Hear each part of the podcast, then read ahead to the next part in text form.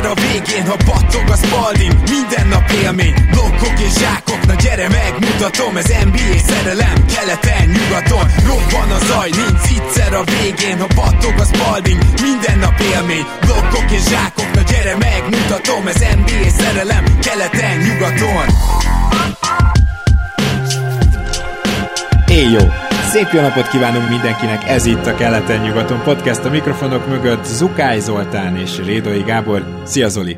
Szia Gábor, sziasztok! Nem tudom, mondtam ezt már valaha, de hogy szeretem, amikor így a zét így megpörgetted az elején, hogy zukáj. Oh, köszönöm. Igen, már gondolkoztam olyanokon is, hogy milyen ilyen középső nevet lehetne oda beilleszteni, mert én annyira szerettem annó, amikor ugye Zach Harper mindig mondta, hogy James, Jumping, Herbert, és akkor imádtam, és hát gondolkoztam a Zukály zizzenő Zoltánon, de aztán rájöttem, hogy ez még Hát nem, a Jumping nem biztos nem, mert elkezdtem kosarozgatni mostanában, de hát a súlypont emelkedésem az nagyon durva. Ja, A4-es lap azért még kijön, ugye? Emlékszem. Talán, de, de egy nagyon gyorsan kell be slisszantani alá, hogyha ez létező szó, a slisszantani valószínűleg nem. De, de, de, ez ma, Van a, határozottan Szuper. létező. Vagy ha most hoztuk létre, akkor már létezik. Szerintem úgy. nem létező, de most már akkor létezik. Örülök, hogy itt lehetek, az tuti. Jó, hát a két csapat van mára is, és ebből az első gárdánk az nem más, mint a bajnok csapat, a Denver Nuggets, és őszinte leszek, Igazából a Denverrel kapcsolatban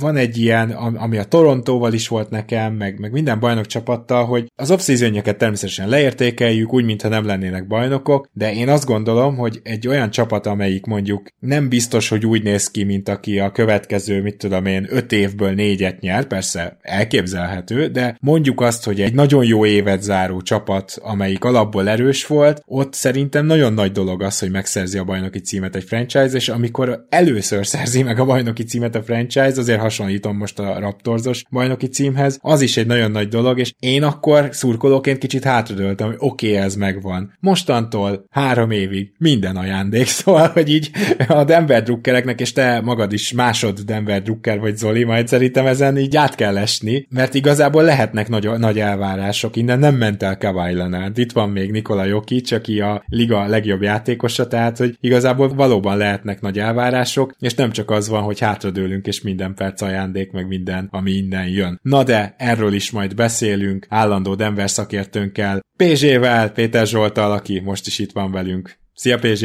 Sziasztok, örülök, hogy meghívtatok, hogy lehetek. Szia Pézsé, én is örülök, hogy itt vagy. Mint kedvenc, mondhatom, hogy egyetlen, igen. Denver szakértőnk, de ha lenne több Denver szakértőnk, akkor is talán a kedvenc. Ezt így megosztatom veled, ezt a belső infót. Ó, teljesen meg vagyok hatódva, köszönöm. Szerencsére egyébként a Denver csoportban, bár nem mondom, hogy annyira aktívak, de azért, azért van egy pár olyan ember, aki folyamatosan aktívkodik. Tehát, hogyha netán én nem lennék elérhető, szerintem akkor is lenne azért egy három-négy olyan ember, akivel meg lehetne beszélni egy ilyen off-season történést, vagy ilyesmi. De szerencsére azért nem vagyok egyedül. Ha már Ellenbrook Zsolt itt teljesen elrabolta a foci, ezt tegyük hozzá, ugye? Ő volt párszor, és hát ő aktív is volt a Denver csoportban is, de Igen. sajnos őt elvesztettük. Hát pedig fordítva szokott ez történni, a fociból szokott az NBA rabolni. Na mindegy. Most akkor egy picit beszéljük át azt, hogy mi történt itt a bajnoki ünneplés után, aminek a kellős közepén egyébként egy bizonyos Bruce Brown így benyögte, hogy na, még egy évet, igen, erről már beszéltünk Zolival, tudom, de még viccesebb így visszagondolni. Szóval a Denver alapból egy nagyon nehéz szituációban volt. Azt hiszem, hogy attól függetlenül, hogy nehéz szituációban volt a Denver, nem menti fel teljesen ezt az off-szezont, az, hogy igen, esélyük se volt megtartani Bruce Brown. Hogyha belegondolok, akkor Jeff Green se annyira, hogy milyen ajánlatot tett oda a Rockets, de hogy potolni őket nem sikerült, hát erre majd kitérünk. Ami biztos, hogy volt egy draft, és a Denver több, mint aktív volt. Gyakorlatilag én úgy látom, hogy itt az volt a direktíva, és erősíts meg, vagy cápolj PZ, hogy itt most kéne draftolni, kéne sokáig olcsó játékosokat szerezni, mert a következő években gyakorlatilag a fiatalok kiépítése az, ami esélyt adhat arra, hogy ugyanolyan mélysége legyen a gárdának, mint ami itt a bajnoki menetelés alatt volt, és lehet, hogy már ebben a pillanatban is pontosan tudta azt a Denver front office, hogy ez a mélység, ez, ez nem lesz meg jövőre. De lehet, hogy úgy voltak vele, hogy ha most ebbe a 23-24-es szezonban nem is lesz meg, mi van akkor, hogyha esetleg utána lévő két évben meg igen? Mert ugye a Denver konkrétan becserélt a draftra, tehát nem volt eredetileg három draft pikketek, ráadásul elég jól is néznek ki egyelőre a választottak, de, de elsősorban most a koncepciót kérdezném. Egyetértek, amikor ránéztem a draft pikkekre, és ugye a hivatalos Denver húzás, az a második kör 40. pikje Maxwell Lewis, és így néztem, hogy kicsoda? Ja, hogy őt ugye hiába mi draftoltuk, de ugye nem nálunk játszik, és ugye a másik három embert, azt meg hivatalosan nem mi draftoltuk. Ebből is látszik ugye, hogy mennyire aktívak voltunk, és ugye lefelé voltunk aktívak, szóval megpróbáltunk becserélni, aztán utána még inkább szétoszlatni, kicsit így diversifikálni a dolgokat, hogy minél több olyan játékos tudjunk behúzni, aki hasznos lehet azonnal. Ez ebből egyértelműen látszódik, hogy egy 21 évest, egy 23 évest, meg egy majdnem 24 éves sikerült ugye draftolnunk, és ebből mind a két 23 és 5 évet játszott az egyetemen, tehát hogy ebből a szempontból nem prospekteket, hanem egyértelműen olyan játékosokat húztunk, akik azonnal rotációs perceket kaphatnak, hogyha beválnak. Az szinte biztos volt, hiába mondta az Bruce Brown ugye a bajnoki címnél viccesen, hogy akkor még egy évre visszatér majdnem biztos volt, szerintem 99%-ig minden Denver Ducker biztos volt benne, hogy nem fogjuk tudni megtartani. Ha csak... Bocsi, ez csak hogy fejtsük ki, hogy ez azért volt, mert hogy ott nem voltak meg a bőrjogok, és egyszerűen az MLA volt a maximum, amit kínálhatott volna a Denver. Így van, így van. Tehát ilyen 10-11 milla között, lehet, hogy csak 9-10 milla között tudtunk volna ajánlani, és hát ugye ennek majdnem a két és félszeresét ajánlotta be ugye az Indiana, tehát ezzel nehéz versenyre kelni, és valahol egyébként a Jeff Green, ahogy mondtad, ugyanez a szitu mert ott szerintem egy két-három millája, vagy max. három-négy év megtartottuk volna, de ugye a Houstonnak is a kétszeresét ajánlotta a 7 millával, úgyhogy ott is messze a lehetőségeinken felüli ajánlatot kapott a játékos. És innentől kezdve meg egyértelműnek tűnt, hogy a szabad ügynök piacon totál inaktívak voltunk. Ugye egy darab Justin Holiday-t húztunk be, aki ugye szintén egy 3 játékos, akinek a védekezésén kívül a sarok triplája az, ami a kifejezett erőssége. És ő is egy Bocs, volt két-három éve, igen. Jó, tehát ha valami erőssége van a védekezésén kívül, akkor az még az. Akkor igen, így, igen, igen.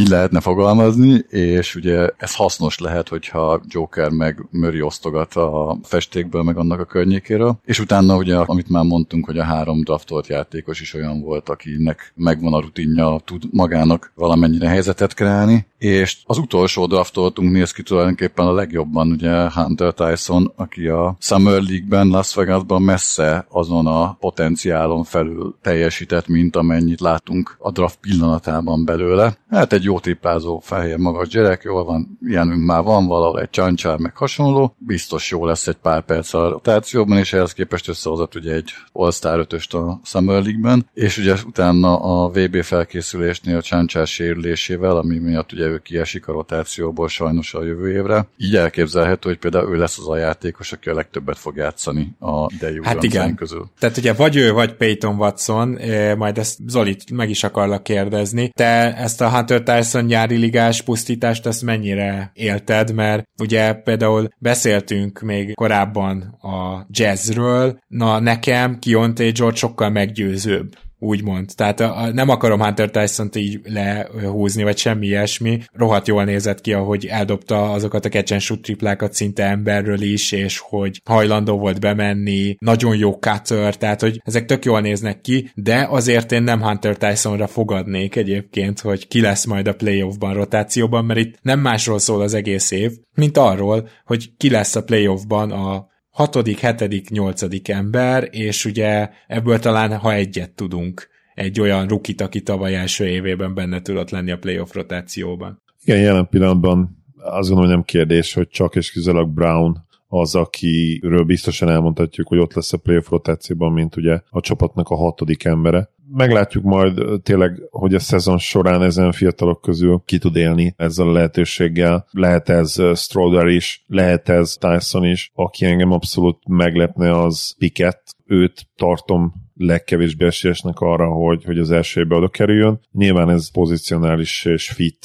dolgok miatt. Strader az, akinek van egy egyértelmű olyan egyetemi skillje, ugye a triplázás, ami gyakorlatilag az első naptól kezdve egy minőségi hozzáadott érték lesz a Nuggetsnek, hogyha ő pályára tud kerülni, és azt is tudjuk, hogy, hogy ráadásul azon típusú dobások, amiket ő itt majd ebben a keretben kap, pontosan azok voltak az erőssége az egyetemen, ugye a catch and shoot helyzetek, ami, amiben nyilván Jokic és Murray, illetve a Jokic-Murray two-man game mellett hát számára nagyon-nagyon jó lehetőséget fog majd adni, amikor tól pályára kerül, mert hogy ez ugye nála sincs garantálva az, hogy bármennyit fog akár játszani az első hónapokban, illetve ez így nem igaz, tehát hogy bármennyit fog úgy játszani, hogy ne garbage time legyen, mert nyilván ő is azért viszonylag hamar, meg Hunter Tyson is viszonylag hamar pályára fog kerülni azokon a meccseken, ahol a Nuggets hát nagyobb eséllyel ugye nagyon vezet, vagy, vagy időnként, amikor esetleg nagyon megverik őket. Itt vonjunk már egy párhuzamot, hogy mennyire hasonlít ez a két játékos, főleg mint kiegészítő játékosok, hiszen mind a kettő kiváló triplázó, ugye az egyik 23 éves, talán annyi Strader még csak 21, tehát azt igen, elmondhatjuk, igen. hogy benne mindenképpen van még potenciál, viszont mind a kettő szörnyű védő, és azt direkt megnéztem az elemzéseket, máshogy szörnyű védők, tehát Hunter Tyson, ő neki nincsen olyan problémája, hogy azt se tudja, hogy hol van, viszont fizikailag ugye egy vékony srácról beszélünk, egy kicsit magasabb kori kiszpörtöt kell talán elképzelni, de mondjuk kiszpört meg erős, Tyson még az se. Az atletikusságával nincs olyan nagy gond, tehát tud ugrani, meg nem olyan lassú, de hogy ez mondjuk egy olyan hátrány, és nem is olyan váza van, amire rávizionálsz még 6 kiló izmot. szóval, hogy ez egy olyan hátrány, amit viszont nehéz leküzdeni, az sokkal érdekesebb, hogy Stradernek viszont szerintem felépítésre és atletikusságra mindene megvan, hogy jó védő legyen. Na ő viszont azt se tudja, hogy hol van hátrafelé. És ugye itt az a kérdés, hogy 21 éves játékos, még fiatalabb, őt meg tudod-e tanítani, mert ha igen, akkor benne van a magasabb potenciál. Igen, ez egy jó kérdés. Itt nyilván PSG-nek mindjárt átpasszoljuk a labdát, de Straderről azt kell tudni, hogy valóban sokszor teljesen elveszett volt az egyetemen is. Például Max Lewis, akit a második körbe vitt el ugye a Lakers, ő híresen egy meccsen teljes mértékben labdásan és labda nélkül is catch shootból is szétszivatta Stradert, és azt se tudta, hogy hol van a pályán. Hunter Tyson egyébként egy kifejezetten intelligens játékos, és ő besegítő védőként, amire nagyobb utattál is, ő jó helyen van, és ő tudja, hogy hova kell állni, amit szerintem Jokic biztos, hogy értékelni fog majd, mert ő már a Kemben is általában jó időben jó helyen lesz, annyi, hogy nála, ugye említetted, hogy nem rossz a sebessége sem, hát ez inkább ez a mondjuk ilyen teljes pályás sebessége, mert egyébként abból a szempontból tényleg nem rossz atléta, hogy a végsebessége az már egész jó, de hát megindulni nem indul meg túl gyorsan, és ez az első pár lépés, ami robbanékonyan kellene, az ugye nála hiányzik, ami persze nem meglepő ugye fehér srácoknál, még ha Brownban egyébként ez meg is van, tehát Brown egy kifejezetten atletikus fehér srác, Hunter Tyson nem ez a típus, de ennek ellenére én azt gondolom, hogy ő is pályán lehet majd idővel, hogy a playoff rotációban ott lesz, az nyilván egy totális kérdője, de Hunter Tysonnak vannak olyan skijei, és egyébként Strodernek is, amik szerintem az első naptól értékesek lehetnek, és tényleg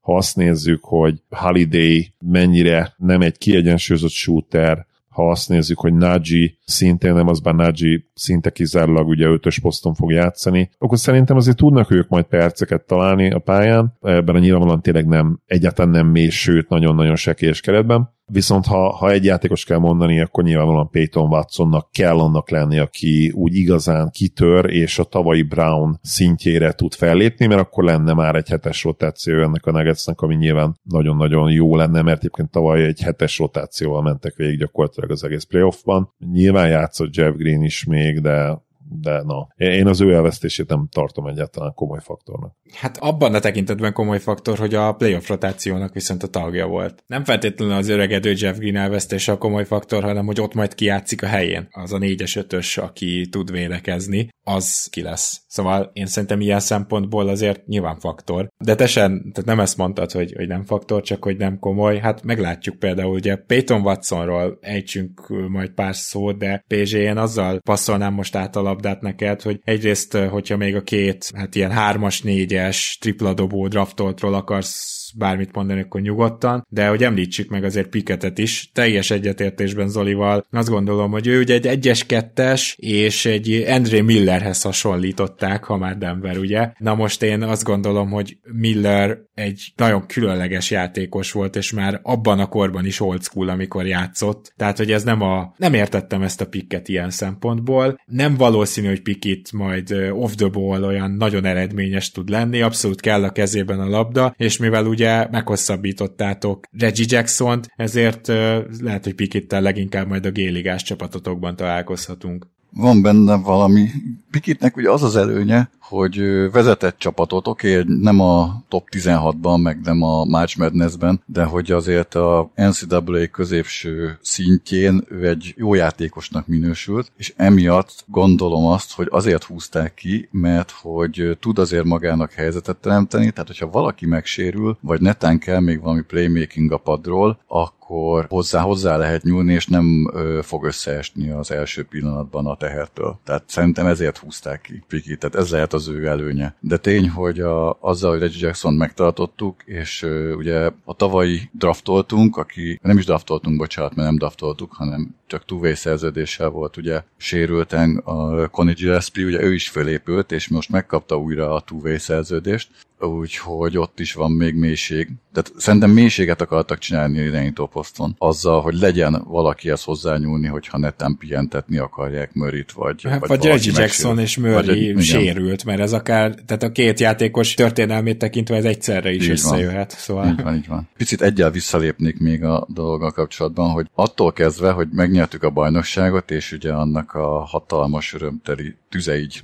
elkezdett hamvadni, tehát hogy így egy kicsit le, megnyugodtak a kedélyek. Hát onnantól kezdve olyan túl sok izgalmat nem okozott a Denveri off-season a szurkolóknak, tehát kb. a legizgalmasabb dolog az az volt, hogy vajon Jokernek a lovai nyernek a éppen aktuális ügetőn vagy sem, vagy az, hogy a free agentöket nem mentünk, várható volt, nincs pénz. Megpróbálunk draftolni valaki olyat, akit be lehet, pályára lehet tenni, az világos. Szerintem a legizgalmasabb dolog még itt visszatérve az újoncokhoz, az egész off az az volt, hogy Hunter Tyson a hoppá, belőle lehet valaki. Tehát, hogy kb. ez a gondolat, ami nem jelent, abban igaz igazatok majd ez nem jelenti azt, hogy a rotációs perceket fog kapni stabilan, de legalább megmutatott egy olyan dolgot, hogy na, lehet, hogy ha őt képezzük, akkor belőle lehet később egy rotációs játékos, egy 6., 7., 8. ember a csapatban. Ez, uh, bocsánat, azért kell nem teljesen egyetértenem, ő 23 éves, ő most vagy bekerül a csapatba, vagy nem. Szerintem ő neki azonnal nem lesz. biztos, hogy be kell kerülnie. Tehát igen, egy éve még van. Egy éve, egy éve talán még van, igen, igen. igen. Igazából, ami szerintem a Denveri off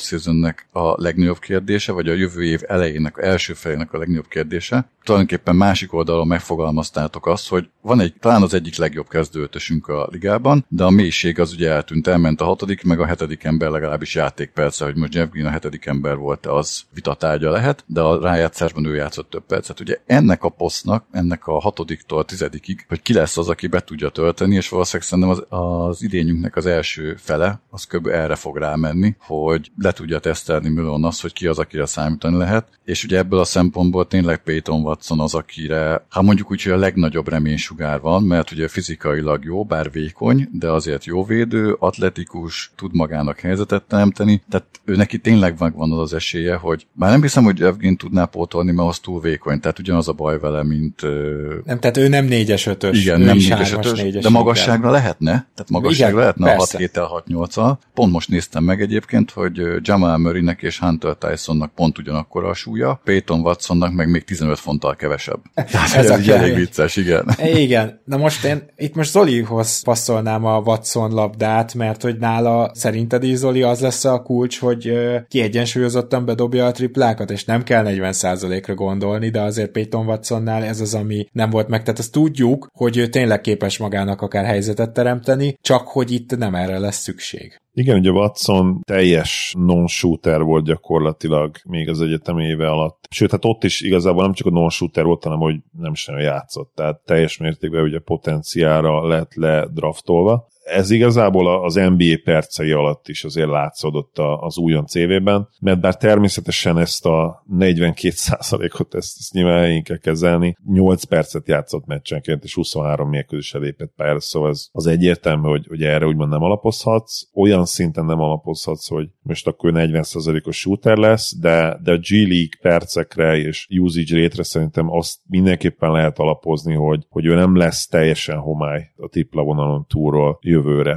Hogy mit várok, hát igazából ilyen 30%-tól egészen 36%-ig bármi lehet. Nyilván a 30% az nem jó, de szerintem türelmesek lesznek vele, mert ő egyébként egy nagyon jó all játékos lehet az NBA-ben, és pontosan a Nuggetsnek ilyen típusú játékosokra van szüksége, akik több ponton, több poszton is egyébként ő is több poszton hozzá tud tenni, dobóhátvédként, kis csatárként simán bevetető, de szerintem még egy small ball line erőcsatárként is bevetető lesz majd később. Teljes projekt, tehát tényleg nincsen NBA referenciánk még, mert annyira nem játszott eleget. Meg kell nézni, hogy hogy teljesít a training camp alatt, és hogyha elkezd játszani 20 perceket az elejétől, én, én nagyon ebben bízom, akkor majd ki tudjuk értékelni őt egy két-három hónap múlva, de mint role player én benne nagyon komoly potenciált látok. Jó, hát és ezzel véget is értünk, az a durva, tehát hogy most végigmentünk, hogy mi történt a Denver nyarával, itt uh, Holiday-t ugye megemlítettük, és ez azért érdekes, mert azért szerintem bármelyik hallgatónk, aki most számolgatott magában, azt keresi, hogy most akkor tényleg egy uh, halom ruki lesz a első meg másodéves lesz a pad, és igen, meg Reggie Jackson, meg, meg esetleg Nagy.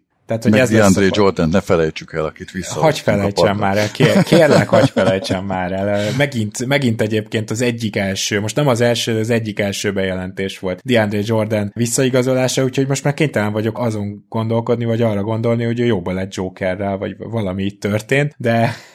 Hát a legtáncosabb lábú center a ligában Bobánnal együtt szerintem most yeah. körülbelül ez a legnagyobb szerepe a csapat környékén. De, de még Bobánnak is jobban örülnétek harmadik centernek. Jó, hát visszatérve az eredeti feltett kérdésre, ezen a mélység problémán akkor sikerült csak javítani, hogyha mondjuk a négy-öt fiatalból kettő, nem azt mondom, hogy berobban, de hogy olyan szinten rábízható mondjuk az, hogy a pad az ne kapjon ki nem tudom én hány ponttal, ahogy ez Denverben lenni szokott, és hogy ne kelljen megint a teljes kezdőnek egyrészt viszonylag egészséges lennie, másrészt pedig meghalnia, meg megdöglenie a pályán az alapszakaszban, hogy igen, tehát ez egy nagy lutri jelenleg, és hogyha le kéne osztályoznom ezt az off-szezont, akkor emiatt túl jó értékelést nem tudok adni. Annak ellenére, hogy Stroder és Hunter Tyson is marha jól játszottak a nyári ligában, és jól is néznek ki. Ez az, ami nyilván felhúzza, de muszáj vagyok azért azt nézni, hogy egy bajnok csapat, akinek ugyanott vannak a sztárjai, ezt a mélységét még amúgy se volt kiemelkedő, vagy túl jó, de még azt is elvesztette. És tényleg nem tudom, hogy milyen osztályzatot adjak így erre. Jelenleg egy kétharmadon gondolkozom, viszont hogy hova várom a Denvert, nem az első helyre nyugaton, mert nem gondolom azt, hogy ehhez hasonló egészséges szezon reális, és ha csak egy kicsit egészségtelenebb az a szezon, ez a csapat még kevésbé mély. Tehát, hogy ez még nagyobb probléma lesz. És nem elromlani fog a Denver, és a rájátszásban nyugaton talán továbbra is ők a legnagyobb esélyesek, de az alapszakaszban szerintem ez inkább egy ilyen másodiktól negyedik hely lesz. Úgyhogy, ja, és kétharmad az osztályzatom, akkor most Zoli felé dobom a labdát. Én top háromba várom őket, nálam eléggé egyértelmű, hogy nem lesz ilyen nagyon extra 60 plusz győzelmes csapat nyugaton, ez nem érdekel ma már egy csapatnak, load management, stb. és nyilván egyre kevésbé fogunk egyébként is 60 győzelmes csapatokat látni. Szerintem ott lesznek ugye a suns és én a Mavericks-a tippeltem még be, tehát ez a hármas szerintem egy picit előrébb lesz, mint a Grizzlies és a Kings, és szerintem kb. mindegy, hogy elsők vagy harmadikak, de hogy 56 győzelmet tippelek mondjuk, és az azt jelenteni, hogy vagy elsők, vagy másodikak véletlenül. De egy osztályzattal is tartozol? Igen, uh, Ugye nagyon sok mozgásterük nem volt, tehát most érted, megbüntető őket például azért, hogy, hogy elveszítették. Brown-t, nem lehet nyilván, mert tényleg esélyük se volt megtartani, és ezt már mondtuk akkor, amikor viccesen mondta, hogy még egy év, még egy év, ugye már akkor mondtuk, hogy várjuk meg, amíg kimegy a Perzsinek a hatása, és hát ki is ment, aztán jött a Pacers. Szóval uh, nyilván nem lehet jó osztályzatot adni, de szerintem nagyon rosszat se lehet adni, mert uh, a Nuggetsnek tényleg az off akkor fogjuk tudni kiértékelni, hogyha játszott két-három évet. Tyson, Pickett és Strother, szóval még hármast adok nekik, szerintem ez egy ilyen hármas off mert most még nem nagyon tudjuk, és ez nyilván később mehet Hát még lejjebb nagyon szerintem nem mehet, mert adott a keret, amit már felépítettek, és tényleg nem is volt mozgásterük, tehát ha nem jönnek be a draft pickek, akkor is szerintem hármas marad, ha meg bejönnek, akkor nyilván így retrospektíve majd feljebb kell emelnünk az osztályzatot. Igen, igen, csak tudod, azért minimumból igazoltak más csapatok sokkal jobbat, mint Holiday, szerintem. Tehát, hogy, hogy legalább a megoldási kísérlet, meg hogy Reggie Jackson-t visszaigazolod, szóval, hogy azért itt van, ami szerintem ezt lefele húzza, de teljesen megértem az érvelésedet. Zsolt, mit gondolsz, hanyast adnál az off-szezonra, és hova várod a csapatot? Nagyjából egy kicsit inkább Zolival értek egyet a hármas környékével. Szerintem két útjuk volt, ugye választhatták volna azt, amit a Lakers például az utóbbi években, hogy a, most nem az utolsóban, hanem két évvel korábban, hogy jó, akkor megnézzük, hogy kik vannak a piacon, és mindenkit leig, minden összes rutinos játékost, aki még mozog és lehet értelme, akkor azt leigazoljuk minimumért, és akkor így próbálunk meg mélységet adni a csapatnak. Vagy elmehettek azzal, hogy jó, akkor próbáljunk meg inkább fiatalokat gyűjtögetni, megnézzük, hogy akkor kik azok, akik már ott vannak a keretben, meg kik azok, akiket még le lehet igazolni, és akkor megpróbáljuk egy draftolatlan újoncokkal, meg esetleg egy-két tavalyi, tavaly előtti emberrel föltölteni a keretet. Valószínűleg itt egy kicsit hosszabb távra gondolkozva, ugye az, hogy a egyéves szerződésekkel 35 éves embereket leigazolunk, és meglátjuk, hogy jövőre nyerünk-e, ennél szerintem van vel hosszabb távra próbálnak gondolkodni, tehát hogy lehet, hogy nem azonnal kéne még egyet nyerni, de ha bejönnek az újoncok és lenne mélységünk, akkor lehet, hogy mondjuk jövő év után lehetne még egy bajnoki címet nyerni. Igen, picit, igen. Picit Szerint ez a... nekem is ez jön le abszolút. Tehát ez az igen. üzenet. És nyilván tehát egy bajnokcsapatnál ezt nem tudom úgy interpretálni, hogy ez egy jó gondolkozás, még akkor is, hogyha egyébként úgy egyet tudok vele érteni. Igen, ha, ha megnézzük a kezdőötösnek a fizetési konstrukcióját, meg állapotát, akkor tényleg nem nagyon van ugrálási pozíció. Tehát, hogy nagyon-nagyon be volt szűkülve a lehetőség, és abban igazad van, hogy igen, szerintem azért amellett, hogy pihentetni fogják a kezdőtöst, amennyire csak lehet, meg kipróbálják a fiatalokat, azért azt nem hiszem, hogy a jövő évet elengedik teljesen, és csak csak kísérletezünk, és én nem miatt várok egy ilyen én is egy ilyen harmadik, negyedik helyet, de én mondjuk az 56-ot az sokkal, én ilyen 50-52 győzelemre tippelnék, és azzal mondjuk egy ilyen harmadik, negyedik helyet talán el lehet érni. Hogy nyugat az összességében szerintem még megint erősödött egy kicsit tavalyhoz képest, és még nehezebb lesz az ilyen 55-60 győzelmeket elérni. Plusz ugye emiatt a kísérletezés, meg a kezdőtös pihentetése miatt szerintem többet fognak ülni. Tehát jó, most még több low management lesz, mint tavaly. Ez már látszik ugye a VB-re felkészülésből szépen lassan. Már majd, hogy nem egyik Denveri játékos se fog játszani, minden jól megy a VB-n, pedig ezért úgy nézett ki, hogy kb. egy kezdőtösnyi fog játszani. Nem a kezdőtös. Igen, de például mondjuk Káncsár pontot sérült meg. Igen, Káncsár pontot sérült meg, de a Joker sem megy, akkor most szerintem Mörinek is igaza valószínű, hogy nem fog menni. Nem is tudom, ki volt még. Itt Talán most ezt gyorsan hozzá kell tennem, hogy sokkal később fog kijönni az adás, mint amikor felvesszük, tehát kedves ja, hallgatók, hogyha most azt látnátok, hogy Möri mégis játszik, akkor bocs, de ebbe a pillanatban legalábbis így tűnik ez nekünk. Egyébként jó, meggyőztetek egy hármas alára, én is felviszem a kétharmadot, viszont a tippünk az meg Zsolt nekünk áll közelebb. Ettől függetlenül egy olyan szempontból nagyon szuper dolog ez, és én, én lennék most Denver Drucker, hogy tök jó, hogy a fiatalokat annak ellenére is építjük és megnézzük. Én ezt nagyon szeretem. Tehát szeretek úgy drukkolni egy csapatnak, hogy látom, hogy a fiataljainkat fejlesztjük, kineveztjük, és a Denvernek a fejlesztő részlegével nincsen semmi baj, még ha nem is a liga elit vagy ilyenek, de ez egy jó fejlesztő csapat szerintem az elmúlt években. Úgyhogy igazából szerintem a feeling az nagyon jó. Én ezt nagyon adom. Zsolt, azt is nagyon adom, hogy elfogadtad a meghívásunkat, és nagyon szépen köszönöm, hogy itt voltál. Én is köszönöm a meghívást. Még egyetlen egy aprócska gondolatot szerettem csak hozzátenni, hogy és akkor még a two játékosainkról nem is beszéltünk, ugye a Summer League-ből leigazoltuk ugye a Blackstone Kit, meg a J. Huffot, aki meg egy center, tehát ő talán tudna majd, ő is egy ilyen 23-24 éves, már valamennyi rutinnal rendelkező center. Lehet, hogy ő később ezt a Joker mögötti lukat esetleg tudná pótolni, mert neki is van azért hármasa. Tehát, hogy van azért nem csak az újoncoknál, hanem itt a nyári edzőtáborba igazolásoknál is van egy-két olyan prospekt, amiből kijöhet valami. Tehát ez még tovább erősíti azt a pozitív attitűdöt, hogy na jó, akkor építsünk a fiatalokra, és próbáljuk meg velük beépíteni a kakat, amik ugye jó sok alakult ki most a nyári szezonban. És még egyszer akkor nagyon szépen köszönöm a meghívást, örülök, hogy itt lehettem. Veletek még ha ez a off-season nem is volt a legizgalmasabb, ellenben annál izgalmasabb lesz, hogy a idén első felében mit fogunk csinálni, és hogy sikerülnek a újoncoknak a beilleszkedése. Én is köszönöm, hogy itt voltál, PZ, és hát nagyon, nyilvánvalóan nagyon szorítunk mi ketten ugye a Denverért. Szerintem ez a csapat meghatározó lehet a következő években, és nyilván egy fiatal magját tekintve, a fő magját tekintve fiatal csapatról beszélünk, úgyhogy rajtuk keresztül kellene, hogy átmenjen a nyugat a következő években, aki legalábbis ugye akar valamit csinálni, ez nagy valószínűséggel őket kell majd, hogy legyőzze. Kíváncsi leszek, hogy a fiatalok hogyan tudnak fejlődni, és itt akár a Brownra is gondoltunk, aki szerintem egy nagyon-nagyon jó játékos lehet már ebben a következő szezonban. Örülök, hogy itt voltál, köszi még egyszer. Mi pedig természetesen megyünk is tovább a következő csapatunkra. Mai második csapatunk pedig az Orlando Magic lesz, és azért itt a Magic-et alaposan megkritizáltuk már a draftnál, úgyhogy kíváncsi leszek, hogy ez mennyiben javul, vagy esik még tovább ez a lehetséges osztályzat, úgyhogy átnézzük az egész off-szezon. Minden esetre tavaly debütált nálunk Orlando szakértőnk, akit idén is nagyon szívesen hívtunk, Varga Rihárdot, és ő is elfogadta a meghívást, amit nagyon köszönünk, Ricsi, szia!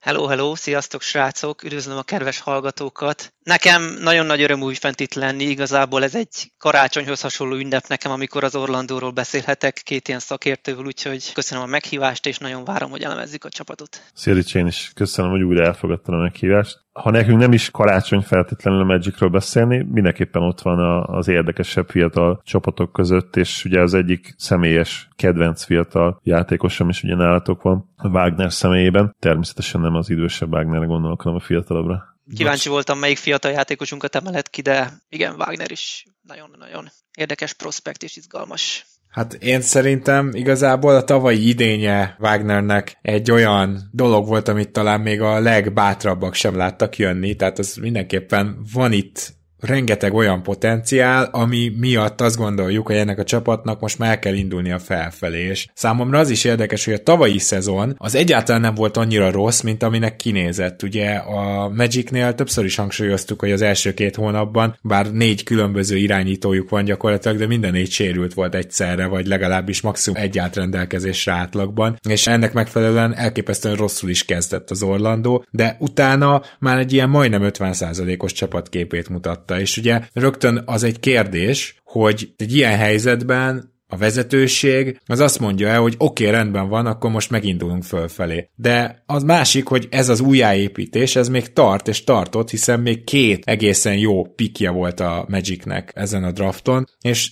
nem azt választották, hogy mondjuk felcserélnek vele, vagy kicserélnek a draftról, hanem szépen húztak. Ezt direkt hangsúlyozom ki, mert ez már is egy kritika számomra, tehát egy másik kritikus pont, hogy úgy mondjam, hogy ha van három, vagy legalább kettő olyan típusú gárdod, aki jó védő, ilyen másodlagos ballhandler, de nem igazán megbízható a kinti dobása, akkor miért választasz egy teljesen ugyanilyet a hatodik helyen? Tehát miért választasz még egy ilyet, mint a gyűjteni ezeket a játékosokat a Magic? Tehát itt ugye ezért én megkritizáltam már az Anthony Black választást is, a 11. helyen pedig egy egész nagy reach, úgyhogy ugye Grady Dick is ben volt még a jól dobó 3-as, 4-es vagy 2-es, 3-as, de minden esetre wing játékosok közül. Ugye jött Howard a 11. helyen, akinek volt egy jó Summer League meccse, egyébként volt nem olyan jó is, de őszintén szólva ezt se értettem, szóval külön kíváncsi leszek Ricsi, mert ezt Zolival annó kibeszéltük, hogy te hogy élted meg ezt a draftot, mert azért itt tényleg szerintem teljesen jogos kérdések merülnek fel. Én ezt a draftot, ezt tragikusan, borzalmasan éltem meg. Tehát, hogyha engem a műsorba a draft utáni napon hívtok el, hogy beszéljünk az Orlandóról, én körülbelül 30 percet végig tudtam volna rage olyan szinten szitkozódva az Orlando Magic vezetésére, hogy azt nem teszik ki az ablakba. Ez a draft, ez minden volt, amit nem szerettem volna körülbelül. Tehát említetted, hogy miért nem cseréltünk föl. Ezt nem tudom, hogy nem is próbáltuk-e, vagy nem sikerült-e, ezért én még nem fedném meg annyira a vezetést. Lehet, hogy mit tudom én, próbálkoztak bedobni draftogokat, és arra azt mondták az első háromba húzó csapatok. Nyilván a San Antonio egyértelműen azt mondta, hogy Vembanyámát az semmiképpen se, de mondjuk Scootot vagy Brandon Millert is nem akarták odaadni azért a két pikkért. De erre is tudom azt mondani, hogy akkor meg még mellé lehetett volna dobni akármit, akár egy jövőbeni 2026-ban Denvertől bejövő első köröst, ami ráadásul top 5 védett. Szóval biztos lehetett volna valamit csinálni, nem történt meg, nem tudom, hogy mennyire akartak, hát ebből lett ez a két húzás, ami ugye, ami, ahogy említetted, és teljes mértékben egyetértek veletek, Black az, aki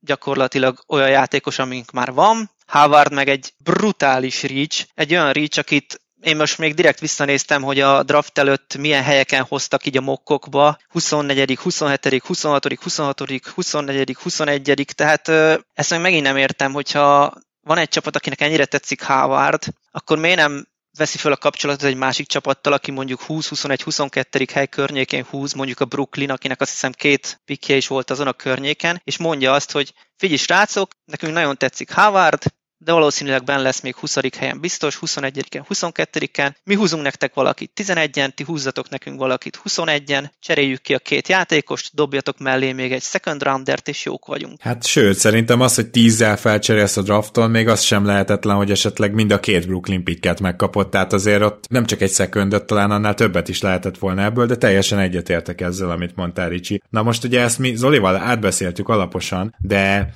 Azért Zoli azt így megkérdezném tőled, hogy te ugye mindig a mellett érvelsz, hogy a lehető legjobb játékost húzt ki, tehát hogy tényleg csak nagyon messziről indítanád azt, amikor már fitre húzol. Itt is kitartasz a mellett, mert lehet, hogy egyszerűen az Orlando azt mondta, hogy szerintük Anthony Black az elérhető legjobb játékos ott a hatodik helyen, ami szerintem maga a teória már nem stimmel, tehát hogy egy olyan típusú játékosról beszélünk, aki nem tud dobni, aki támadásban hát igazából csak betörni tud, de az se olyan, tehát nem egy Jamorant, érted? Érted? Tehát, hogy maga a teória nem stimmel, hogy ebből hogy lesz olyan jó játékos, de mi van, ha az Orlando ezt látta? Nekem a Black pickkel nincsen feltétlenül akkor bajom, mert Nyilván, ha azt leszámítjuk, hogy valóban sikertelenül próbáltak, mert én azt feltételezem, hogy próbáltak előre cserélni, és maga az önmagában egy csalódás, és valamilyen szinten kudarc, hogy, hogy ugye ott maradtak a hatodik helyen. De ha már ott voltak a hatodik helyen, nekem Anthony Black az a pick rendben van, én azt, én azt értem igazából. És azért értem, mert ő egy nagyon jó prototipikus méretekkel megáldott, sokoldalú játékos, aki már most arra nagyon jó használható lesz, hogy akár irányítókon is védekezzen, akár dobóhátvédeken is, és akár kis csatárokon is. És emellett van neki, tehát azzal nem értek egyet, hogy tudja támadni a gyűrűt, hanem ő egy, egy jó playmaker is. Egy jó playmaker is egy jó védő. A dobás az valóban azon dolgozni kell, de, de én Anthony Blacket egy olyan játékosnak látom, akiben komoly potenciál van, és az a pick nekem rendben van.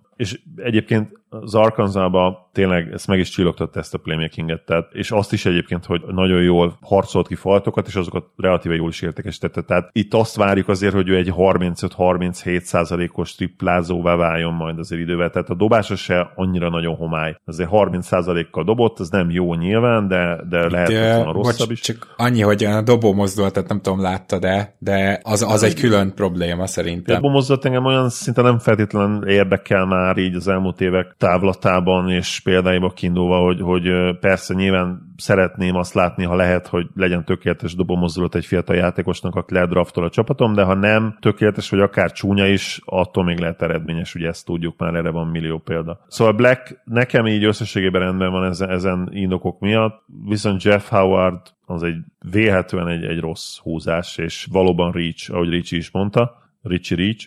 Én nem látom azt, hogy ő azon kívül, hogy tehát azt várják, hogy egy nagyon jó dobó lesz, de az egyetemen oké okay dobó volt. Tehát, hogy ez a bajom ezzel, hogyha, hogyha legalább ha más nem is, de az egyetemen ő, nem tudom, triplázott volna ilyen 43%-kal, és tudjuk, hogy mennyire kell a shooting a Magic line főleg a triplázás ugye természetesen, de akkor azt mondtam volna, hogy, hogy oké, okay, húzzák ki, de én nem látok arra garanciát, hogy egy elit triplázó lehet majd az NBA-ben, és igazából őt ezért vitték el, mert a Magic így gondolja valószínűleg, mert annyira kell a shooting ebben a fiatal keretben, szóval Howard helyett én is akkor már sokkal inkább Dicket vittem volna el. Azt mondjuk teljes mértékben megértem, hogy ugye Lively Lively-t nem vitték el, mert ha Lively-t elviszed, akkor az ugye azt mondtad volna, hogy Wendell Carter Jr. mögé hoztál egy pár évig olcsó cserét, arra meg hát nagyon nagy pazarlás lett volna úgymond a, a Magicnek is, meg, meg hát ugye Lively-nak is nagyon rossz lett volna, de azt nem értem, hogy miért nem vitték el Dicket, aki viszont ténylegesen elit NBA triplázónak várunk, és, és a jóslat szerint ez begugorhatja akár már az első évében is, szóval Szóval a Howard pickkel abszolút én sem kibékülve, Blackben én, én relatíve sokat látok. Oké, okay, oké, okay, csak ugye tényleg az a bajom, hogy Fulc és Suggs egy az egybe ugyanez a játékos. Hát különösen Fulc, tehát hogy Fulc és Black az ilyen iker testvérei jelenleg egymásnak, tehát hogy ugye itt azért akkor felmerül, és erről meg is akartal kérdezni Ricsi, hogy itt nem kéne valamilyen mozgás csere, mert hogy alapból csak az egyes kettes Várj meg Gábor, bocs, bocs, bocs, figyelj,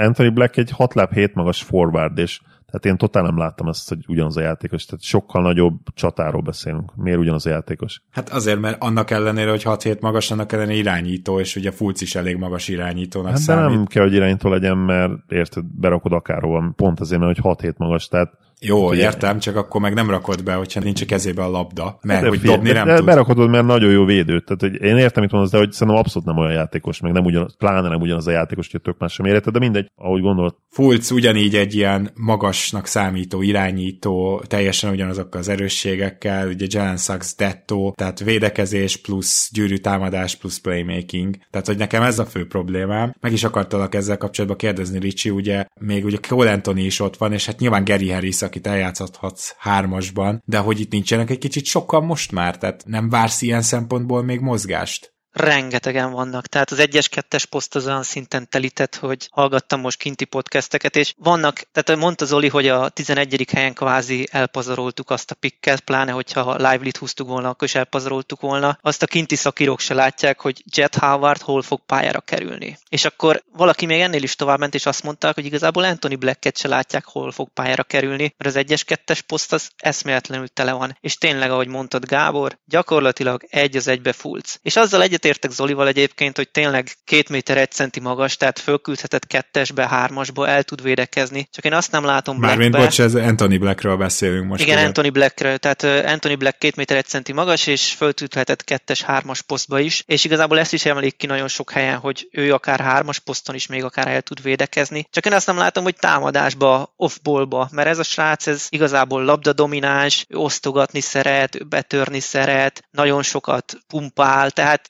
őt, hogyha fölrakod, nem tudom, egy Fulc meg egy Sachs mellé, hármas posztra, akkor ő, hogyha nem kap labdát, vagy neki csak mit tudom én, a catch sutok jutnak, akkor azokat eldobálni, akkor az támadásban egy használhatatlan játékos. Tehát mm. Igen. Nem, lehet, én teljesen osztom ezeket. Az az érdekessége az egésznek, hogy Gary Harris játszatni kéne, mert szerintem őt most Orlandó nagyon befogadta, tehát én a nyilatkozatok és minden alapján is úgy érzem, hogy Gary Harris is marha jól érzi ott magát, és hogy a Magic is nem véletlenül hosszabbította egy ideig, biztos csak azért, hogy a, hát ha el tudjuk cserélni, hát ha el tudjuk cserélni, de közben meg abszolút a saját karrierjét végre fel tudta emelni Gary Harris, és akkor arról nem is beszélve, hogy ugye tavaly egészen jól nézett ki Wagner is a labdával. Tehát, hogy itt nagyon-nagyon fura lenne számomra, ha ez így maradna. Nyilván lehet egy ilyen OKC vonalat vinni, ahol egytől négyig mindenki tud labdát kezelni, sőt, ugye ott most megérkezett Hongrem, úgyhogy egytől ötig tud mindenki labdát kezelni, és én látok ilyeneket is az Orlandónál, hogy ez lehet az út, mert hogy itt Bankéról szerintem játszik majd időnként centert. Mo Wagner nem tudom, hogy mennyit lesz pályán, de ugye gyakorlatilag bólból is elment, és Bambát is elengedte az Orlandó, tehát itt azért lesz smallból, ahol valószínűleg mindenki le tudja ütni a labdát, csak ahogy, hogy, hogy szinte senki nem tud dobni, és még ha belegondolunk, akkor Franz Wagnernél is ez probléma, hogy azért azzal a dobó mozdulattal nem nagyon lesz 42%-os triplázó, de 39 sem. Szóval, hogy, hogy ez mennyire működhet. Egy picit ilyen régi idők csapata, de abban a tekintetben persze nem, hogy azt meg nem láttuk, hogy mindenki tud labdát kezelni a régi időkben, tehát egy, egy nagyon furcsa. A kérdés igazából az, hogy ez egy elképzelése szerinted. Mit nyilatkozott erről a front office? Maradhat-e ez így? Igen, szerintem ez egy koncepció része, ettől függetlenül is a, a Black pick az szerintem már túlzás, mert tehát föltöltheted a teljes 15 fős keretet is olyan játékosokkal, aki mindenki ball handler, de egyszerűen, hogyha mindenki csak egy dologba jó, és például shooting egyáltalán nincs a csapatba, az totál visszaüt szerintem. Tehát én itt az egyensúlyra szavaznék, de úgy látszik a vezetőség az más úton akart elindulni, valószínűleg potenciára húztak Blackkel kapcsolatba, és tévedés ne essék, tehát én, én se tartom Blacket rossz játékosnak, én meg vagyok róla győződve, hogy ezekkel a skillekkel, amikkel van, tehát ő egy nagyon jó kezdő irányító lehet majd 3-4-5 év múlva, mert ugye mondtuk már, hogy magas, nagyon jól lepattanózik, nagyon jól lát a pályán, tehát vannak pozitívumai és erősségei is, csak egyszerűen ide ilyen játékos most nem kellett. Zoli, azt kérdezném tőled, hogy kiben látod a potenciált, hogy ezeket a problémákat megoldja, mert nem tudom, hogy te hogy vagy vele, hogy Wagner vagy Bankero shootingjába bízol-e például jobban, de engem ez az egész történet rögtön azért zavar legjobban, mert ennek a két játékosnak kéne a legtöbbet a kezébe adni a labdát szerintem. Ezzel egyetértek egyébként, és szerintem ez nyilvánvaló, de lehet, hogy nem értetek egyet, én természetesen Franz Wagner shootingjába bízok sokkal inkább, ugye ő egy 86%-os büntetőző volt az első szezonjában, 84% a második szezonjában, és stabilan, nehéz kísérletekkel 35-36%-os triplez az első két évben. Sokkal-sokkal stabilabb shooting szintjén, mint bármi, amit eddig ugye Paolo Bankérótól láttunk beleértve az egyetemi évét is Szóval számomra nagyon meglepő lenne, hogyha, hogyha nem Wagner lenne az egyértelműen jobb shooter. Már most is nyilvánvalóan az is, és a jövőben is abszolút erre számítok. Szerintem talán ott gondolkodjuk túl egy kicsit ezt a dolgot, hogy most Fultz, Harris, Cole Anthony. Én amikor vizionálom ezt a magic hogy igazán jók lesznek, ami még mindig szerintem egy két-három év vannak ellenére, hogy már így két-három éve beszélünk róluk, hogy milyen tehetségesek, addigra nem lepődnék meg azon, hogyha, hogyha az említett három játékos közül akár már egyik se lenne Magicnél. És én pont ezért se látom azt problémának, hogy, hogy Anthony Black egy projekt és idő kell neki, persze, és, és az sem tragédia, hogyha most nem fog neki, mit tudom én, 20 percnél több játékidő jutni az első évében. A Magic évekre van attól szerintem, hogy, hogy igazán contender lehessen. Nyilván, ha, ha a bánkér ugrik egy hatalmas szintet, és top 20-as játékos se válik a második évében, mint mondjuk egy, hát mondjuk LeBron nem jó példa, mert nyilván LeBron már szerintem top 5-ös játékos volt a második évében. Jamorant egy, például egy jó példa. Mondjuk egy Jamorant, igen, vagy, vagy Luka is jó példa, Luka is szerintem egyértelműen. Ő már lehet, hogy már, hát még a top, újonc nem volt azért top 20-as még, de második évben már igen. Ott már talán top 10-es is. Tehát tegyük fel, hogy mondjuk LeBron top 5-ös ugrást csinált, és mondjuk igen, ez a Jamorant és Luka volt, az Luka mondjuk top 10-est, és Jamorant egy top 15-öst. Ha mondjuk ilyen top 15 környékére tud ugrani banker, akkor nyilván minden, minden megváltozik, és mindent átír. De én tőle inkább azt várom, hogy ilyen 28-tól 32. legjobb játékos legyen a második évében, és inkább szerintem Franz Wagner lehet az, aki meg mondjuk ilyen 24 25 ha folytatja azt a fejlődést, amit láttunk tőle az első két évben. És ha egy darab top 25-ös játékosod van még, vagy mondjuk kettő top 35-ös, azzal nem nagyon fogsz még szerintem play jutni, és úgymond van időd kitalálni ezeket a dolgokat dolgokat, Cole Anthony egy nagyon szimpatikus, nagyon jó játékos, de, de én se őt, se Fulcot nem látom egyébként a majdani playoff és contender Magic kezdőjében semmiképp, de talán csapatában sem. Ha, jó, hát persze innen is lehet menni, csak az a kérdés, hogy akkor erre a szezonra igazából ezt hogy fogják felépíteni. Mellesleg abszolút koncepcióba illik Joe Ingles leigazolása, és azt meg kell, hogy mondjam, hogy nekem ez az egyetlen, ami igazán tetszik az Orlando off-szezonjában. El is mondom miért, azért, mert Joe Ingles egyrészt ő tud dobni, másrészt pedig egy olyan veterán jelenlét, akit az egész ligában halomra dicsértek, nagyon-nagyon szeretik őt a csapattársak, és szerintem egy ilyen veterán jelenlét például elindíthatja azt a folyamatot, amiben ez egy érettebb csapattá válik, ami tele van fiatalokkal, és lesz kire tényleg felnézni, úgyhogy annak ellenére, hogy egy pici túlfizetés, azt hiszem két év 24 millió, de ezt mondjuk adás előtt néztem meg, úgyhogy... 22. 22, köszönöm, igen, de ennek ellenére én, nekem ez egy nagyon pozitív igazolás volt, tehát itt nyilvánvaló, hogy igazából a veterán jelenlétet fizették meg, de azért ő a padról be fog jönni, triplákat fog dobni, és egy picit playmakerkedik is. Gyakorlatilag egy az egyben Franz Wagner cseréje és gyengébb verziója egy picit. Így igaz, hogyha engem kérdezel, akkor ez mind szép és jó. Én, amikor leigazoltuk ingles én nem voltam annyira elragadtatva ettől az igazolástól se. Bár azt hozzá kell tenni, hogy ez csak az én személyes véleményem, hogy én szerintem a veterán jelenlét, mint olyan, az kicsit túlértékelt dolog az NBA-ben. Nem tudom például, hogyha a tavalyi 34 meccset nyert csapatban ott lett volna egy Ingles, akkor hány meccsen nyerünk többet, egyel, kettővel. Tehát eh, igazából szerintem ebből a szempontból a veterán jelenlét az ilyen. De hosszú távon biztos vannak jobban kifizetődő hatásai is. Cap space volt rá, Ingles tényleg segít a shootingon, bejön pár percre, Wagner cseréje lesz. Második éve az ráadásul team optionös, hogyha akarjuk, akkor egy év után elköszönhetünk tőle, és nem hívjuk le az opcióját. Úgyhogy lehetett volna más típusú embert is hozni, én meg tudom érteni ezt az igazolást, közepes a részemről.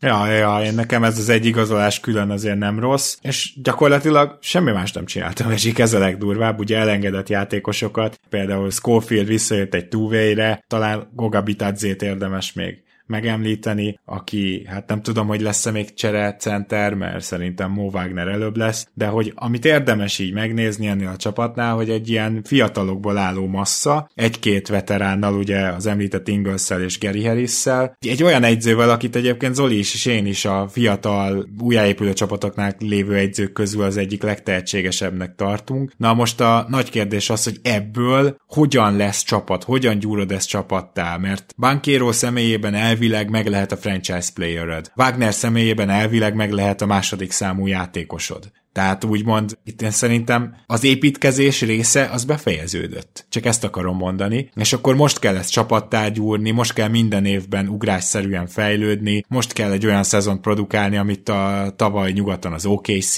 és hogy ez lehetséges-e úgy, hogy ennyire nem illenek össze az alkatrészek. Ugye ez itt a nagy kérdés számomra. És akkor ennek ezzel a felvezetéssel, Zoli, megkérnélek, hogy hát adj egy osztályzatot erre az off-seasonre, illetve hogy picit prób- próbálj meg jósolni, ami szerintem ennél a csapatnál nagyon nehéz. Hova érhet be ez a Magic? Igen, azért nehéz az osztályzat is, illetve nem, ez, nem annyira nehéz. Szerintem a, a Magic nem csinált egyértelműen tragikus, és nem csinált egyértelműen jó dolgokat, tehát tényleg idő kell ahhoz, hogy, hogy kiderüljenek ezek a mozgások, és hogy igazán értékelni tudjuk őket, úgyhogy ez szerintem ők tökéletes példája annak, hogy, hogy hármas osztályzatot adunk, tehát ez a közepes se nem jó, se nem rossz, ami nehezebb valószínűleg az az, hogy tényleg jósoljuk őket, mert abszolút nem minden, de mondjuk a 80%-os sorsuknak attól függ, hogy a két verseny, lovuk, versenyparipáik, ugye Franz Wagner és Paolo Banquero mekkorát tud ugrani a harmadik, illetve második évére. És én tudod, hogy nagyon szeretem Wendell Carter Jr., de igaz sem mondhatom, hogy nem fejlődik, mert nem igaz, hogy nem fejlődött, de ez a fejlődés az ilyen hát ilyen ólom lábakkal, nagyon rövid lépésekben történik meg, nagyon nehézkes, tehát az, hogy ő ténylegesen hozzáadjon dolgokat a játékához, és, és mire tényleg végre hozzá tud adni ezt a triplát, az is én azt mondom, hogy igazából csak a 22-23-as szezonra történt. Már ugye a 21-22-es év előtt is mondták, hogy hú, hát ez már minden bedob ez a srác a teremben, és el is kezdte, és annyira frusztrált volt, ha emlékeztek rá, hogy, hogy dobálta, dobálta a szezon elején. Ha jól emlékszem, és ez a, ez a 21-22 szezonot is egyszerűen nem mentek be, és aztán végül relatíve oké okay szintre felhozta végül a szezon végén 32,7%-ra. Az ő triplája szempontjából az igazi breakout szezon az tényleg a tavalyi év volt, mert ott már négy kísérlette 35,6%-kal az nagyon-nagyon jó. De nagyon lassú, és 23 évesen nem itt kéne tartani. Tehát őt kivenném egy kicsit abból az egyenletből, hogy ő mekkorát tud ugrani, mert, mert fog fejlődni, de az eddigiek alapján tőle nagyon nagy ugrás nem várhatunk. És Sachs, ugye, akit én a draft előtt nagyon-nagyon kedveltem, és hát hihetetlen nagy csalódás eddig az NBA-ben, az is kérdés, hogy, hogy ő mit tud csinálni most már szintén a harmadik szezonjára, mert a dobása valamennyit fejlődött a második évre, de úgy igazán semmi más nem, és egy használható játékos, védekezésbe, playmaking szintjén hoz egy kicsit, de, de hát ez egy csere irányító profi eddig, amit ő csinál, és egy ilyen magas draft picktől nagyon nem ezt várnánk. Zoli, mielőtt jósolsz, beszéljünk már egy picit arról, vagy, vagy kíváncsi vagyok a véleményedre, hogy viszont védekezésben félmetesen jó lehetne ez a csapat, nem? Igen, Tehát, igen, igen. De az a durva, hogy már jövőre azt mondom, hogy ez egy jól védekező csapat lehet. Egyetértek abszolút, tehát a, ez az atletikusság és hossz, ami náluk megvan, és még Franz Wagner is, és Bankéro is egyébként, ugye Bankéro nyilván atletikusabb, Wagner pedig okos játékos. Belők is szerintem abszolút jól tudna működni. Wendell Carter Jr. is, ha nem is feltétlenül az a játékos, aki azt mondod, hogy nagyon extra védő, de jó wingspanje van, jól mozog a lábával, mozgékony center. Szóval igen, ezt össze lehetne rakni abszolút, és ezt is várják egyébként. És aztán tavaly is beszéltünk is arról, hogy, hogy a Magic még abszolút nem volt jó védőcsapat, de hogy a jövőbeni ilyen projectionjük, ugye ez a várható erőssége a védő oldalon ennek a csapatnak, az tényleg egy, egy olyan hozamot ha nem is garantál, de jelez előre, ami, amivel akár már idén a liga első felébe lehetnének mondjuk ilyen 13.-14. helyen. És ha ez megtörténik, akkor nyilván az is azért azt jelenteni, hogy ők legalább 6-8 meccsel többet nyernek, mint tavaly a tippem ez alapján mindenképpen fejlődés várok tőlük, nyilván fiatal csapat, Wagner és Bankero is szintet fog lépni, hogy mekkorát, ezt még nem tudjuk. Ugye tavaly 34 meccset nyertek, én azt mondom, hogy idén már ilyen 50% közelébe lehetnek, ami még nem fog sikerülni, és 40-42-es mérleget várok, ami azt jelenteni, hogy hát ilyen play alja, talán a play-ért akár versenyben lehetnek. Oké, okay, én erre az off-seasonre, mert engem sokkal jobban zavar ez Anthony Black story, kettest adok, és nem vagyok annyira bizakodó az alapszakaszban sem, mint te, hogy 40 győzelem, de azért mégiscsak azt mondom, hogy az viszont igaz és jogos, hogy ez a csapat fejlődhet, és ha nem lesznek sérültjeik, akkor meg el kéne oda jusson, ugye ez 40 győzelem még minimum. Szóval ez, ez ilyen érdekes kettősségben, nem csak én azt látom, hogy most inkább azzal fog küzdeni ez a gárda, hogy nem lesz semmi shooting, és az sem igazán lesz meg, hogy itt kinél lesz sokat a labda, és akiknél meg nem lesz sokat a labda, az ebből nagyon nem fog profitálni, elsősorban a Fulcra, Saxra és Anthony Blackre gondolok, mert hogy ha például Bankérónál és Wagnernél lesz a labda, akkor ő nekik azért az nem profiukhoz nem túlságosan illik. Egy picit így támadásban azt várom, hogy ilyen bottom five csapat legyen emiatt. Még akkor is, hogyha külön-külön, mint támadó talent, azért van ezekben a játékosokban bőven, Cole Anthonyban is nyilván. És hiába lesznek akkor tényleg tűrhető 10-15 között akár védekezésben, lehet, hogy ez még nem a play-in alja, hanem a play-in alatt. Tehát én ilyen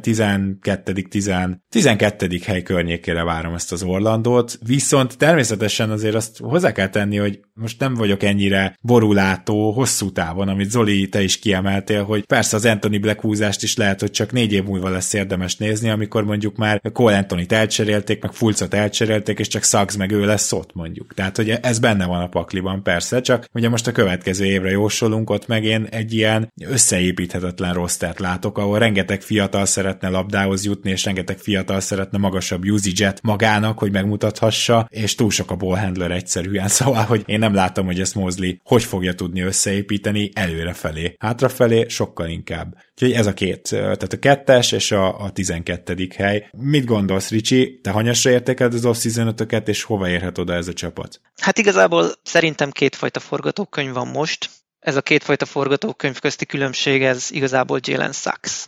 Mert szerintem a kezdőtös másik négy tagja adott, Szerintem abba veletek egyet is értünk, hogy a maradék négy ember az a Wagner, Bankero, Wendell Carter, Fultz négyes, és hát az a kérdés, hogy kettes poszton Gary harris megyünk-e neki, vagy Saxot berakjuk-e a kezdőbe. Most ugye tudni kell, hogy tavaly a Gary Harris-es csapat hozta le a 29-28-as mérleget az utolsó 57 meccsén a szezonnak, tehát ez, ez az ötös, ez működik. Erre most már van minta tavalyról, úgyhogy tudjuk, hogy ők tudnak együtt játszani, ők tudnak egy 50%-os mérleget. Saxod viszont nyilván be kéne rakni a kezdőbe, hogyha van bármifajta hosszú távú terved, viszont Saxal meg tavaly ez a kezdő annyira nem működött. Ez egy nagyon érdekes dilemma, amivel majd Mosley kénytelen lesz szembesülni a szezon során. Őszintén szólva nem tudom, és nagyon kíváncsi voltam például a kinti orlandói szakemberek véleményekre, és ők is csak találgatnak e közt a két forgatókönyv között, hogy vajon melyik lehet. Én most azt mondom, hogy ha marad a Gary harris és rövid távon gondolkozunk, akkor Szerintem is összejött egy 40-42, de én ennyire azért nem voltam bátor, amikor így készülés közben gondolkodtam. Én egy ilyen 39-43-ot, de egy tizedik helyet szeretnék. Tehát a play-in legalját. Ha viszont hosszú távon gondolkozunk, és azt mondjuk, hogy Suggs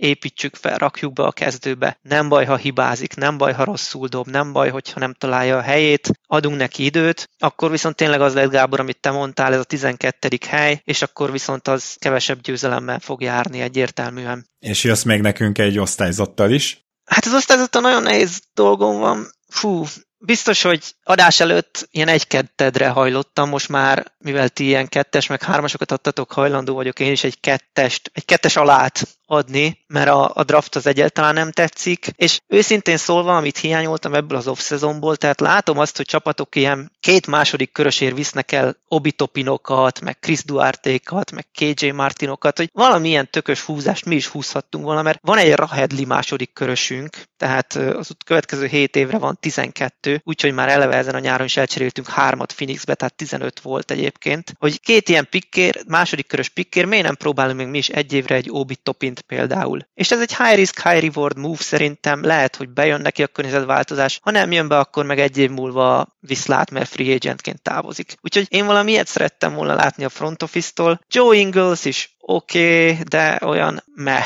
Úgyhogy kettes alá az osztályzatom. Oké, okay. Ricsi, nagyon szépen köszönjük, hogy itt voltál velünk, és hogy átnézted az Orlando Magic nyarát velünk. Aztán hát reméljük, hogy amennyire nem vagyunk túl lelkesek a nyári mozgásokat illetően, annál több pozitív élmény lesz ezzel a fiatal csapattal majd az alapszakaszban. Én is ezt remélem. Azért a csapat ettől függetlenül szerintem izgalmas, és én nagyon-nagyon várom a szezont, és ahogy mondtátok, Wagner, Bankero, hát fejlődniük kell. Tehát itt nem az, hogy lehetséges, hogy lesz belső fejlődés, sem tényleg én nagyon várom, hogy ők hova lépnek előre, és nekem nagyon tetszik, nagyon szerethető ez a csapat, és egyébként Fulc is fejlődik még, az a vicces, tehát idén például lett tempó dobása, ami előtte így hírből se, és már ilyen turnaround jumpereket, meg félővélyeket dobálgat, úgyhogy igen, várom a szezon, nagyon izgalmasnak ígérkezik, és remélem egy play hely tényleg összejön, mert az nagyon-nagyon király lenne. Még egyszer köszönjük akkor, hogy elfogadtad a meghívást. Köszönöm a meghívást, srácok, nagyon nagy élmény volt, mint mindig.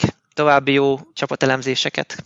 Köszönöm, és én is köszönöm, hogy itt voltál. Zoli, én pedig akkor neked is köszönöm, hogy uh, itt voltál, hiszen uh, azt gondolom, hogy most a csapat elemzések felén lassan túl vagyunk, úgyhogy egészen jól haladunk, és megyünk tovább. Meg persze van itt világbajnokság is, úgyhogy van bőven téma, és természetesen azokon is hallhatunk majd téged is, engem is, úgyhogy megyünk tovább. Örülök, hogy itt lettem. Sziasztok! Kedves hallgatók, ti pedig tartsatok velünk a továbbiakban is, a legjobbakat. Köszi, hogyha támogattok minket, és érkezünk a következő hetekben is.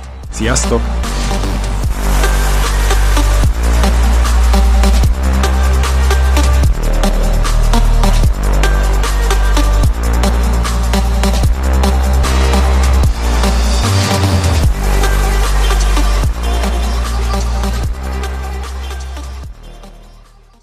Ha más podcastekre is kíváncsi vagy, hallgassd meg a Béton műsor ajánlóját. El tudod képzelni, hogy a podcastet, amit éppen most hallgattál, fél év múlva már a mesterséges intelligencia generálja? Mi sem. De ha érdekel, eljött már a gépek lázadása. Hallgass bele az Embertelen podcastbe. Orsós Lajos vagyok, a műsor házigazdája. Egyelőre még élőben. Egyelőre. Fedezzük fel együtt, hogyan ismerkedik, randizik, mesél és vitatkozik Betty és Péter, két teljesen mesterséges intelligencia. Lajos, a podcast címét mond még egyszer, Léci. Oké. Okay. Embertelen podcast. Ez a műsor a Béton közösség tagja.